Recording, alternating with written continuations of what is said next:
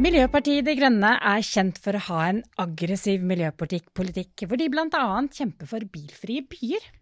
Før valget i høst gikk partiet ut og krevde stans i salg av bensin- og dieselbiler allerede i 2023. Vi lurer rett og slett på hva Miljøpartiet De Grønne egentlig mener om elbilen. Det er på tide å ta en prat med de for å høre hvilken rolle elbilen spiller i bylivet fremover. Vi skal også høre mer om hva MDG mener om hvordan ladenettverket skal bygges ut, og hvordan lading kan gjøres enklere. Du lytter til Elbilpodden. Det er en podkast fra NAF om elbil, og jeg heter Anette Berve. Og jeg heter Harald Wisløff. Og med oss i studio så har vi rett og slett nestleder i MDG, Arild Hermstad. Velkommen til oss. Tusen takk. Var det en innledning du stiller deg bak? Nei, faktisk ikke helt. For uh, jeg syns jo miljøpolitikk kan aldri bli aggressivt. Det er noe av det mest uh, uh, konfliktdempende man kan drive med. fordi hvis ikke vi klarer å fikse miljøspørsmålet ganske fort, så står vi overfor ganske store utfordringer. Så det er jo en viktig grunn til at Miljøpartiet finnes, og en viktig grunn til at jeg er med i Miljøpartiet. Men for å starte litt enkelt, Arild Heimstad. Hvis du skulle oppsummere MDGs elbilpolitikk med en setning, hva, hva gjør du da? Nei, Det må bli utrolig lett og enkelt uh, å kjøre elbil og lade elbil. Uh, og det, det, er det viktigste. Og så skal det alltid være billigere og bedre. Altså det, blir, det, er jo alltid bedre å kjøre elbil, men det skal også være billigere å velge elbil enn å kjøre fossilbil. Bra. Det skal alltid være fordelaktig. Altså. Hva, er altså, hva er fordelen og ulempene med, med, bil som transportmiddel sånn generelt, hvis vi, hvis vi også skal starte, liksom, starte der? Um, ja, det er jo et stort spørsmål, men um, vi, tar, vi, kan jo ta en sånn historisk parallell. Uh, og det er veldig mye bråk med disse elsparkesyklene for tiden. Fordi at folk påstår at uh, Eller man blir late. Uh, er, de er overalt, og de skaper ulykker og problemer. Men hvis vi, ser, hvis vi går liksom 100 år tilbake nå, litt over det å se på når bil kom uh, Jeg har en bok som heter 'Et land på fire hjul', som jeg har tatt med meg. Den ser ikke dere, men den ser sånn ut. Skrevet av Ulrik Eriksen. Uh, han skriver jo når bil kom, f.eks. sommeren 1909 i Kristiania, eller Oslo. Så var det rett og slett sånn at i løpet av en sommer så ble fem mennesker drept av biler. Eh, det var 250 biler på den tiden i Oslo. Eh, og det fantes jo ikke fortau. Fortauene kom jo etter hvert fordi at bilene skulle, ta tilbake, skulle få veiene i byene. Eh, og, og, og den uh, ulykkesstatistikken har vi jo gjort masse med. Vi, har, vi, er et helt annet sted når det gjelder å disiplinere biltrafikken. Men det er fortsatt sånn at uh, uh, hvis du sammenligner med elsparkesykkelen, så er altså ulempen med bilkjøring ganske store. Både for folkehelsen, luftforurensning, eh, mikroplast. Eh, så det er all grunn til å begrense bilbruken. Eh, og, men det er også all grunn til å skjønne at vi trenger bil veldig mange steder i landet. Eh, og vi trenger selvfølgelig bil, men spørsmålet er om vi klarer å begrense det i eh, antallet, sånn at vi kan reise på smartere og mer miljøvennlige måter. Mm. Er det et mer bærekraftig og miljøvennlig alternativ med elbil fremfor bensin- og dieselbiler? Og ja, definitivt. Eh, jeg har jo vært miljøverner før jeg ble, med, ble politiker. Eh, og jeg husker liksom tilbake igjen på 2008-tallet. Vi løp rundt med disse bildene av Tesla som snart skulle komme. Mm. Og liksom Dette blir bra greier! og så kom de jo. Eh, og det er ingen tvil om at det er, det er en nødvendig forutsetning for å bli kvitt utslippene fra bilene. Og så er jo Eh, det å lage bilparken om til el, det er også en forutsetning for å få til gravemaskiner, for å få til alle de andre transportmidlene som vi er helt avhengig av. Til og med til sjøs så trenger vi den teknologien, den måten å jobbe på. Så uh, uten elbilen så kan vi skyte langt etter klimamålet, mener jeg. Sa MDG, bare så det er sagt. Det er viktig å si.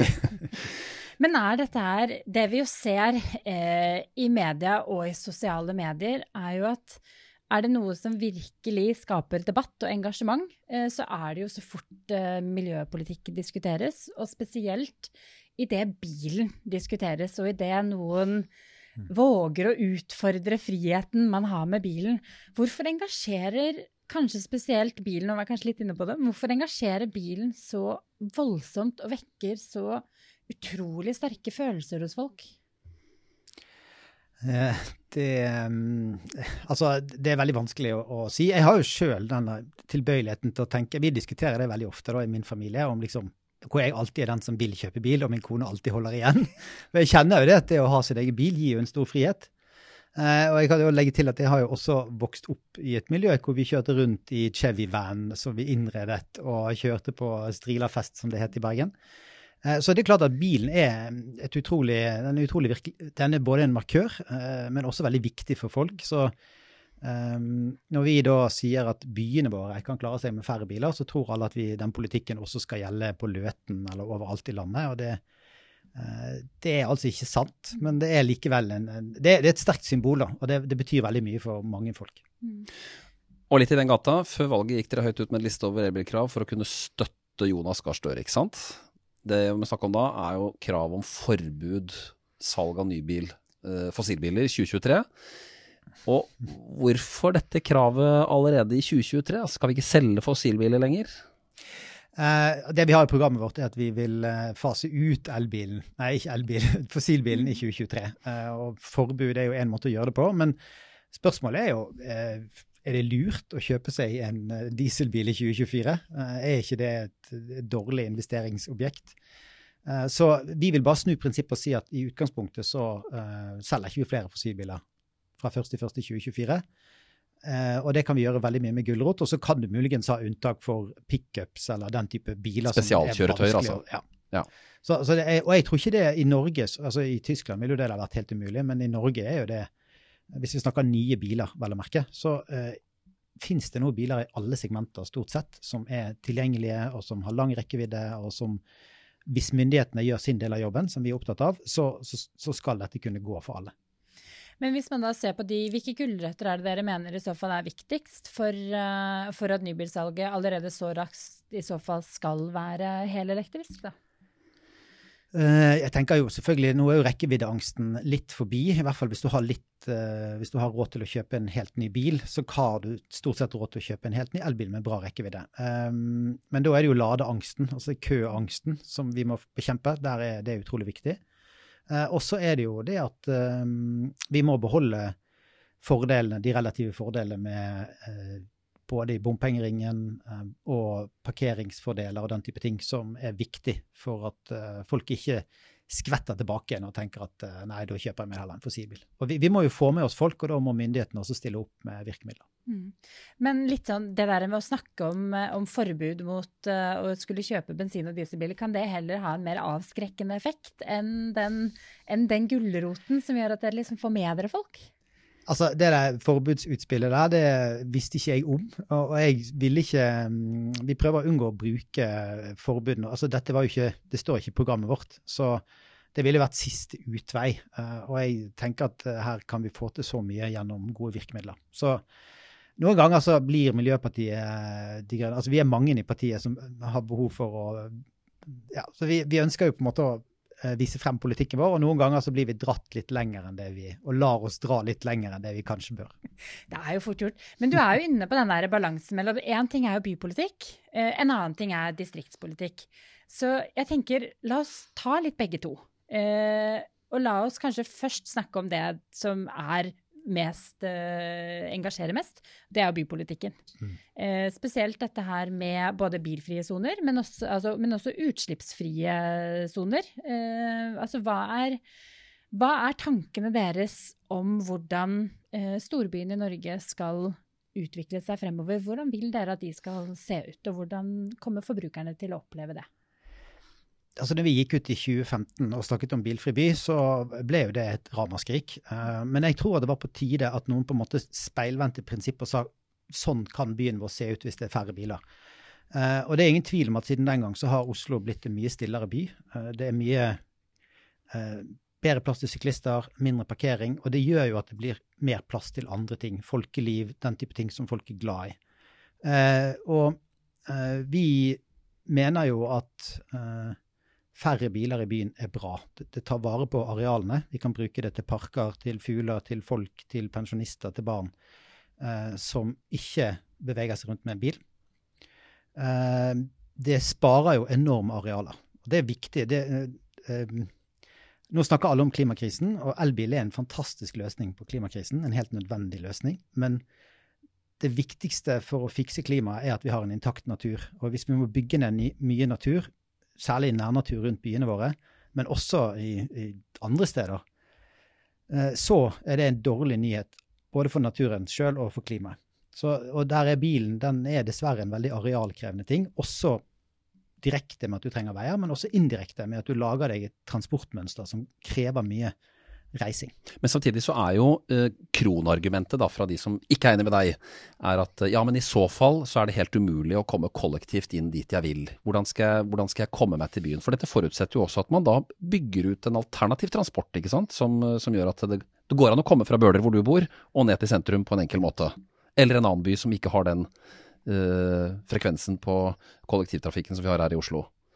Altså, Oslo er jo en kjempegod by faktisk når det kommer til kollektiv. Uh, det må bli bedre. Det er for dyrt, f.eks. Uh, og det er for dårlige systemer for billetter. sånn at hvis du sykler en dag og tar bussen den neste dagen, så, så kommer du i en dårlig deal. Du må hele tiden lure på om du skal kjøpe dagskort, månedskort, ukeskort. Mm. mm. Og det er for dyrt. Det burde vært billigere. Uh, og vi må selvfølgelig bygge ut tilbudet. sånn at uh, for Oslo sin del så mener jeg vi er på et sted nå hvor det ikke er sånn kjempeproblematisk. Så er det selvfølgelig noen som har bruk for bil, men jo færre det er, jo bedre plass får de eh, til å boltre seg på. Men så er det sånn, eh, jeg er jo mye i Bergen, f.eks., og der er det jo elendig. Bydelen min mor bor i, Åsane f.eks., det er liksom Jo, det går buss hele tiden, men det er ubehagelig. Eh, er, det er dårlig frekvens hvis ikke du skal akkurat liksom midt i sentrum. Så vi har jo en kjempejobb å gjøre med å, å, sørge for at folk får et godt tilbud i andre enden. Og Det er jo derfor jeg også mener at distriktene har en litt annen historie om hvordan det er. altså, vi har en politikk som Altså færre biler i byen, det har vi politikk på, men vi har ikke noe politikk på at vi skal ha færre biler i distriktene. Nei, for det eh, kan jo gå igjen at det er, sånn, det er, oppfatningen. At den politikken den strekker seg over hele linja, eh, fra Lindesnes til Nordkapp. Men det gjør den altså ikke.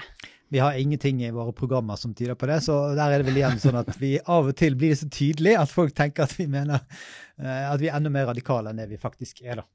Men jeg, jeg tror jo òg at hvis vi eh, lykkes med å skape um, en trivelig by i Oslo, Bergen og de andre stedene, så eh, er det jo klart at mindre steder kan lære noe av det. Og det ser man jo. Mange steder man fjerner eh, En av de mest vellykkede kommunene i eh, Gudbrandsdalen, hvor de jeg tror det er tilflytning der, det er Vinstra. Hvor de altså har laget seg en sånn sentrumsgate uten biler. Hvor de har fått litt folkeliv og, og den type ting. Så det tror jeg det er mye å lære. Men jeg tror ikke tvang er veien å gå når det kommer til distriktene. Da må vi heller la oss inspirere.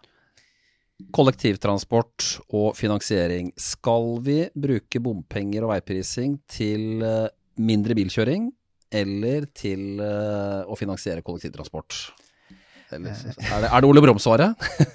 ja, apropos det, sant. Vi, vi, vi drev jo og klemte bomringer i 2019 og sånn. og var vel de eneste som tørde å si at vi syns at bompenger er en god idé rundt byene. Nettopp fordi at du får denne doble effekten. Altså, du får egentlig, Vi kan nevne flere ting òg. Med bompenger så kan du differensiere mellom en elbil og en fossilbil. Altså gjøre det billigere og bedre å kjøre el. Uh, vi kan også få uh, færre biler med å sette prisen opp i bomringen, um, som også er bra for byutviklingen. Og så kan vi bruke pengene til å finansiere snarveier, sykkeltiltak eh, og ikke minst kollektivtrafikken. Og jeg vil gjerne at vi også kan bruke bompenger til å subsidiere prisen på eh, billetten også noe. Men der mener jeg også staten må stille opp mer med å Altså, i dag er det altså moms på eh, kollektivtrafikk, men det er ikke moms på elbiler. Og det syns jo på en måte Kan vi fjerne momsen på kollektivtrafikk, please? Jo, men det er jo, det er jo litt den der helheten som vel kanskje liksom fort er den som er vanskelig å få til. For jeg tror veldig mange som bor, jobber, bor rundt Oslo og jobber i Oslo sentrum, eh, det er Kollektivtransport er det, mest, eh, er det enkleste alternativet inn og ut av byen. Mm.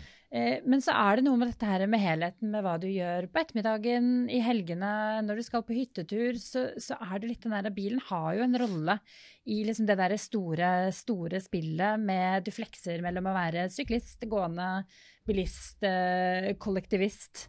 Eh, hvordan skal man liksom klare å finne rom for Er det rom for alle i byen? Og hvordan er det det samspillet egentlig hvordan er det det samspillet ser ut? For idet det blir altfor dyrt å bruke bil, så, så, blir jo det fort veldig vanskelig også. For det er noen elementer fortsatt og noen deler av hverdagen hvor bilen er ganske overlegen for de fleste. Ja, men det er jo ikke pga. pris. Altså hvis du tenker at du skal dra ned til byen og ta med deg familien og gå på kino uh, og ta kollektivt, um, så er det fremdeles uh, ganske dyrt å ta kollektiv. Uh, og selvfølgelig, du kan finne en dyr parkeringsplass i, sentrum, men hvis du har tilgang til billig parkeringsplass i sentrum, så er det jo rasende billig å ta med seg familien i bilen sin. Sånn at um, Selvfølgelig må vi ha rom til flere, men hovedanliggende er vel egentlig at det er ikke spesielt sånn smart at man uh, har én og én sittende i en bil med plass til fem på vei frem og tilbake på nøyaktig samme tidspunkt uh, i hverdagen. Det, vi burde klare det, å gjøre det på en bedre måte. Og så er jeg også blant de som leier med bil av og til og kjører på hytten i helgene. Uh, og til og med det kunne vi kanskje løst på en bedre måte med Eller vi kan det nå, med at ikke alle trenger å reise klokken fire på fredag ettermiddag og stå i kø over Solhaug, da. Ja, og der kommer vi også innom uh, et, annet, uh, et, annet, element som er programfestet hos dere, og det er jo dette med å gjøre bildeling mer attraktivt mm. og mer tilgjengelig. For det burde jo også kunne være mer rom for i byer, med at det er heller mer dedikerte plasser til, til bildeling. Du er en flittig bruker av bildeling selv? Ja, og det har jeg, jeg drev med det både før jeg fikk barn og etter at barna ble store. Og så den perioden med barn så er det ikke så veldig praktisk, for du trenger å ha en del ting i bilen. og Alt mulig rart. Men um, hvis du har uh, Og nå er jo det kommet apper, sant? og du kan stå ved siden av bilen, bestille den. Som regel er det ledige biler. Uh, ofte er det mange biler på samme sted. Uh, og da jeg, jeg, får jo en regning som jeg sikkert aldri ser noe særlig på um, hver gang jeg har brukt bilen. Og så slipper jeg å tenke på vinterdekk, vedlikehold. Jeg eh, tenker egentlig ikke på noen ting. Jeg bare kjører, og så rydder jeg etter meg, og så leverer jeg bilen. Veldig deilig, og veldig plassbesparende. Og selvfølgelig så bruker du da bilen mindre, sant? for du må jo tvinge deg sjøl til å tenke gjennom mm, trenger jeg dette, eller kan jeg gå eller sykle. Mm. Skal det alltid være eh, fordelaktig å kjøpe elbil? Altså nå har vi jo Det er jo gunstig å kjøpe elbil i Norge. Det, andre Politikere fra andre land de får jo hakeslepp når de kommer til Norge og, og, og hører om hvordan man eh, tilrettelegger for kjøp av elbil, da, for å slippe å bruke ordet sponsing eller subsidiering. Skal det alltid være sånn?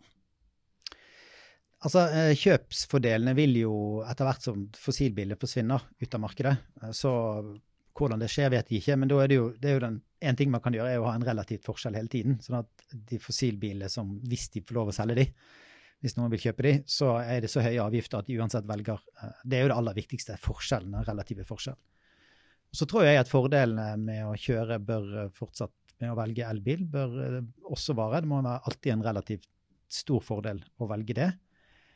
Og så tenker jeg sånn um, avgiftssystemet, det blir da 3-0 eller noe sånt, hvordan det ser ut. Da kan vi jo tenke at i fremtiden så premierer man de bilene som deles mellom flere, kontra at alle skal eie sin egen bil, f.eks. For, for selvkjørende biler, vi kan jo mene mye om det, men det kan komme.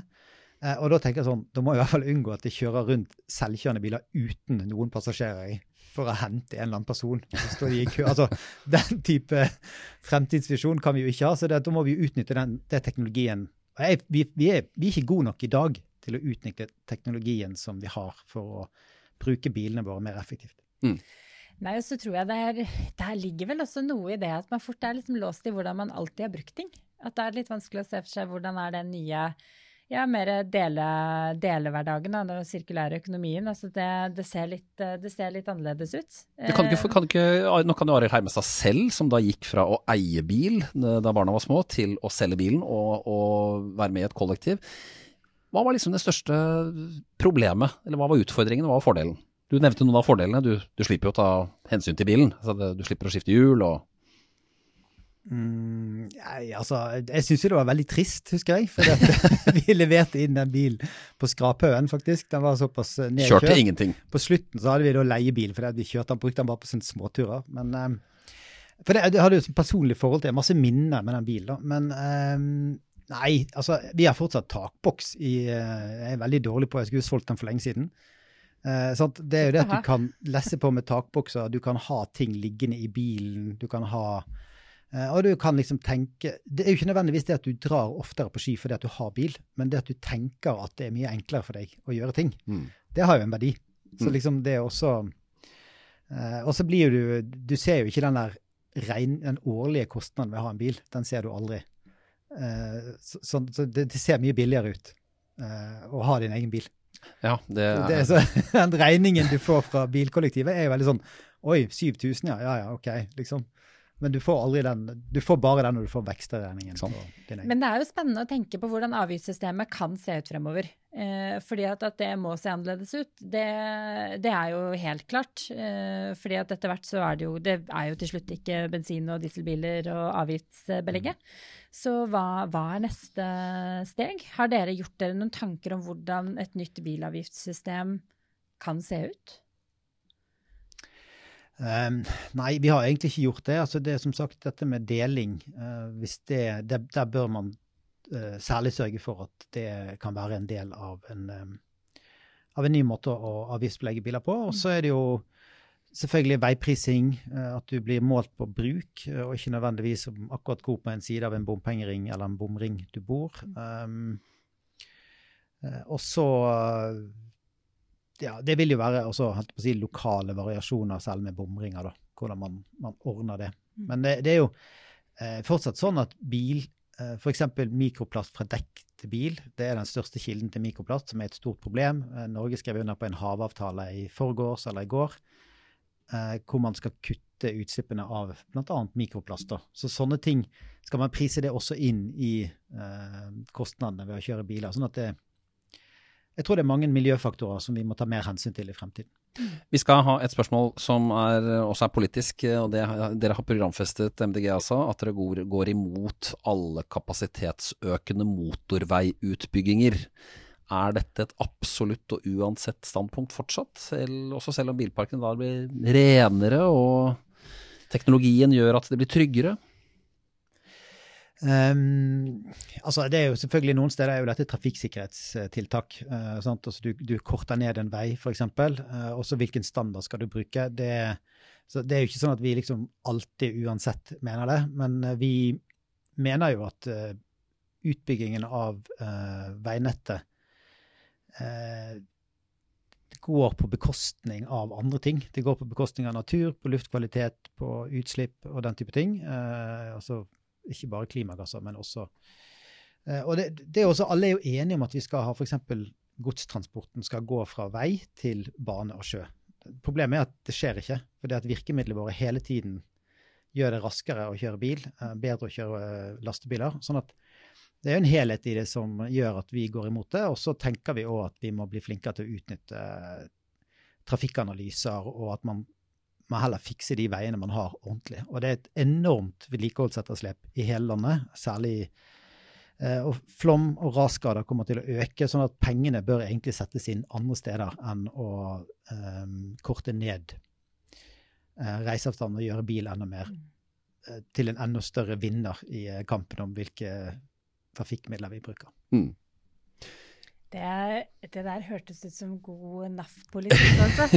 Vi, ja, vi, ja, vi lurte på om vi hadde invitert ja. MDG inn i Løvens hule, som jo faktisk i NAF-løven. vi, vi hadde en kampanje 'Veiene skriker', eh, hvor vi fikk tegnet på rett og slett på sånne løvebrøl på veihull rundt omkring. Og til og med laget en spilledåse basert på hullene i Maridalsveien. Ganske vakker låt. Jeg tror ikke det er like vakkert å kjøre der. Antageligvis ikke, men vi får i hvert fall MDG med oss på at veiene må være trafikksikre og OK. Ja. ja. Og så er jo vi enige med dere. Altså, mobilitet handler jo også om bærekraftig mobilitet. At vi flytter oss på en bærekraftig og mest mulig ressursvennlig måte. Mm.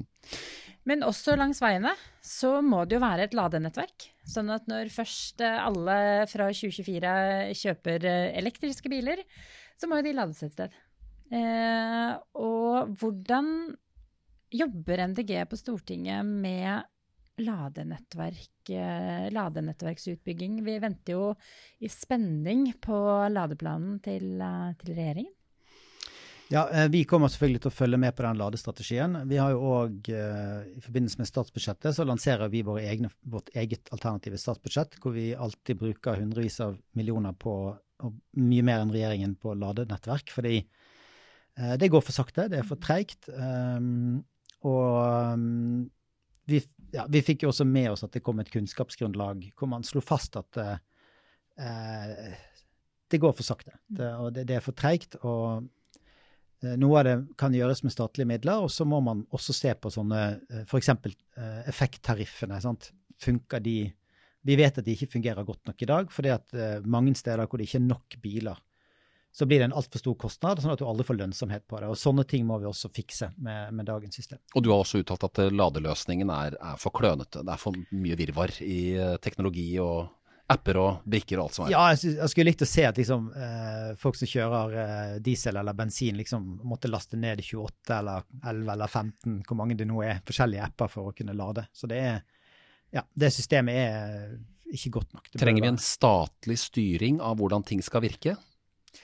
Eller, jeg er ikke så tilhenger at staten skal drive og fikse alt, men det stiller krav gjennom å stille tydelige krav til ladeselskapene, så tror jeg dette kunne vært løst. og av og til så blir sånne ladestrategier det er jo sånn, De går og gnåler om det i årevis, og så skjer det ingenting i mellomtiden. Kan mye ikke bare fine, gjøre det, liksom? mye fine powerpointer. ja. ja. Jo, men det er jo, det er jo, der vi er nå også. Det er jo Var det ett eller to år siden det kom en, en, den første laderapporten?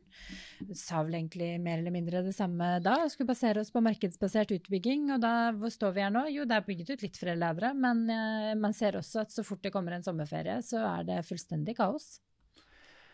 Ja, og det, jeg synes jo alltid, det, det, blir alltid litt kaos når man skal gjøre ting man ikke har gjort før. Men uh, nå har vi kommet så langt, og jeg har sånn modent marked, at uh, nå er det på tide å bare stille deg krav om at uh, du skal kunne bruke uh, si mobiltelefon, men minibankkortet for å kunne lade. Det, det, er enkelt og greit. og det er jo selvfølgelig mange som syns apper er helt kult, men det må jo være for alle, dette. Sånn at man treffer alle.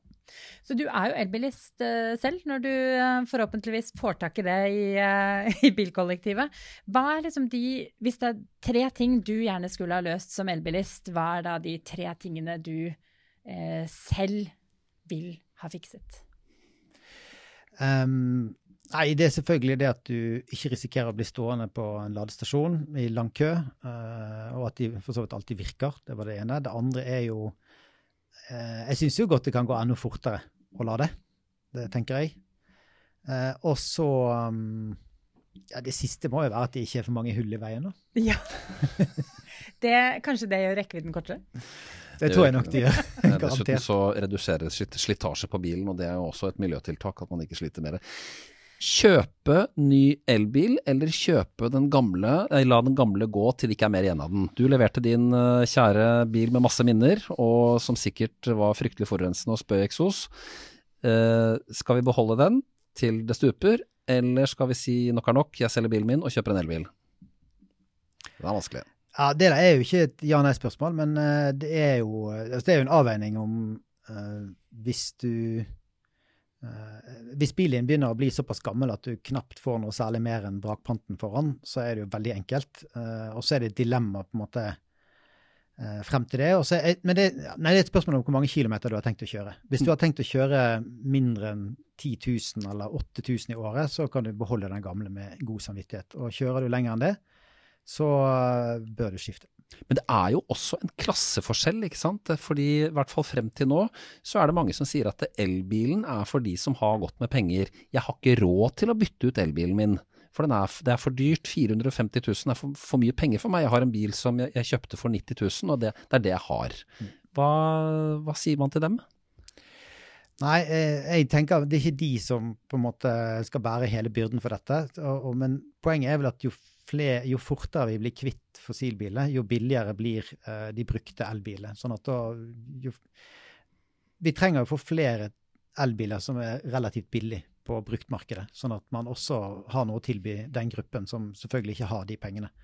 Og så er vi opptatt av leasingstøtte, at det må også gå an for folk som ikke har råd til å legge ut dette, og få leasingstøtte. og det interessante er jo at det fort blir billigere um, å bruke en, en, relativt ny elbil hvis du kan få dekket noen, altså dekket noen av kostnadene ved å kjøpe den.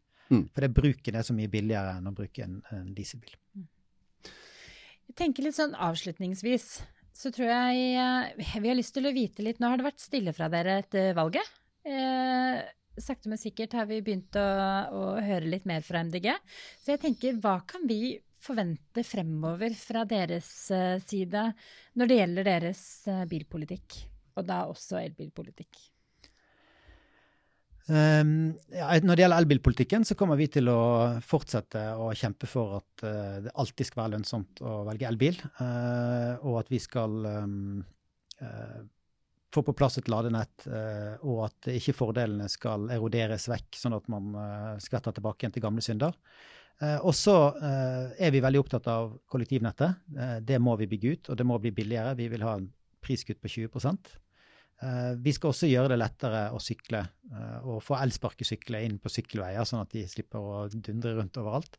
Eh, og rett og slett å gå. Det er bedre. Det er bra for folkehelsen. Så, så det er jo særlig bypolitikken vår. Og så vil vi òg speede opp tempoet i omstillingen på andre altså lastebiler, ferger, hurtigbåter, gravemaskiner. Alt dette her må bli elektrisk. Og da er det viktig at vi lykkes raskt med elbilinnfasing. Rett og slett for å få booste teknologien og litt state of mind også hos folk? Ja, og det, jeg tenker jo sånn, Norge er jo, er jo et, vi har jo vært et laboratorium for elbilpolitikk. Eh, og det har jo vært utrolig vellykket. sånn alt i alt, Selv om jeg sier at vi skal ha enda bedre lading, så har det jo gått bedre enn vi kunne forventet. Så det er jo en, egentlig en gladhistorie vi kan fortelle oss til resten av verden. og når det gjelder eh, anleggsplasser, f.eks., så kan jo Norge virkelig vi kan lage gravemaskinene sjøl. I motsetning til bilindustri som vi ikke har, så kan vi også få eh, mye mer ut av det. Det gjelder også på fergefronten, på eh, maritim sektor. Så dette er jo også en måte å skape masse nye arbeidsplasser og en optimisme om fremtiden på, som, eh, hvor elbilrevolusjonen har vært med å dra dette. Er du optimist? På dette feltet? Altså, Jeg kan jo ikke drive og være med i Miljøpartiet De Grønne og være pessimist. Jeg, jeg, så jeg er programfestet til å være optimist. Uh, og jeg, jeg, tror at vi skal uh, at dette kommer til å gjøre livene våre mye bedre. Akkurat som elbilen. Mye, mye bedre å kjøre elbil enn å kjøre en gammel uh, bensinbil. Vi gleder oss da til å følge med på både kamp om uh, mer vedlikehold av veiene og bedre ladenettverk. Med NAF og MDG på samme frekvens, og det er ikke dårlig? Det tror jeg ikke mange hadde sett for seg for en del år siden. Nei, jeg tror ikke heller. Jeg tror vi takker for oss uh, nå. Takk til deg, Arild Hermstad, nestleder i MDG, for at du kom til studio. Tusen takk for meg, det var ja. veldig kjekt. Ja, Så bra. Og så må du huske at du kan abonnere på denne podkasten i alle kjente podkastapper. Eh, på YouTube, Spotify, og du finner oss på Facebook. NAF Elbil på Facebook og på Instagram, og på våre egne nettsider selvfølgelig. NAF.no slash elbil. Og så er vi tilbake med en ny podkast om 14 dager, med ny gjest og nytt tema. Inntil det, ha det bra så lenge. Ha det godt.